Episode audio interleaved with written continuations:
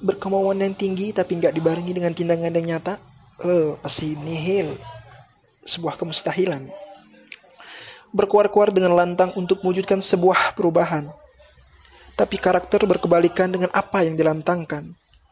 Sampai saat ini hanya fokus dengan apa yang membuat Anda nyaman, sehingga melenakan kewajiban yang seharusnya Anda penuhi.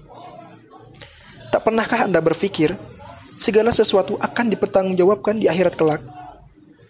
Dengan diamnya kita, menyaksikan segala kesalahan yang terjadi di sekitar kita, tanpa ada tindakan untuk mencegah atau ringannya mengingatkan bahwa itu sebuah kesalahan, apakah ini sebuah kebenaran? Teman-teman, open your mind, sadar, sadarlah, pekalah, lihat sekeliling Anda, apa yang sedang terjadi, apa yang saudara kita rasakan pada saat ini. Ya Allah, menangis hati saya ketika membayangkan ini, ketika saudara-saudara kita dirusak akhlaknya, dirusak pemikirannya, bahkan dirusak keimanannya, dan kita masih saja diam, dan masih bisa kita tertawa tanpa memperhatikan mereka? Apakah masih pantas kita disebut seorang saudara? Atau masih pantaskah kita disebut seorang sahabat?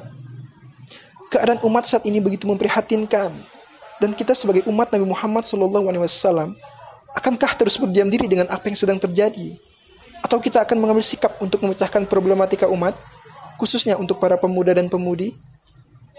Sekarang di mana pemahaman-pemahaman barat dijadikan tolak ukur, dijadikan acuan, bahkan dijadikan sebuah pola pikir untuk menentukan pilihan dalam kehidupan.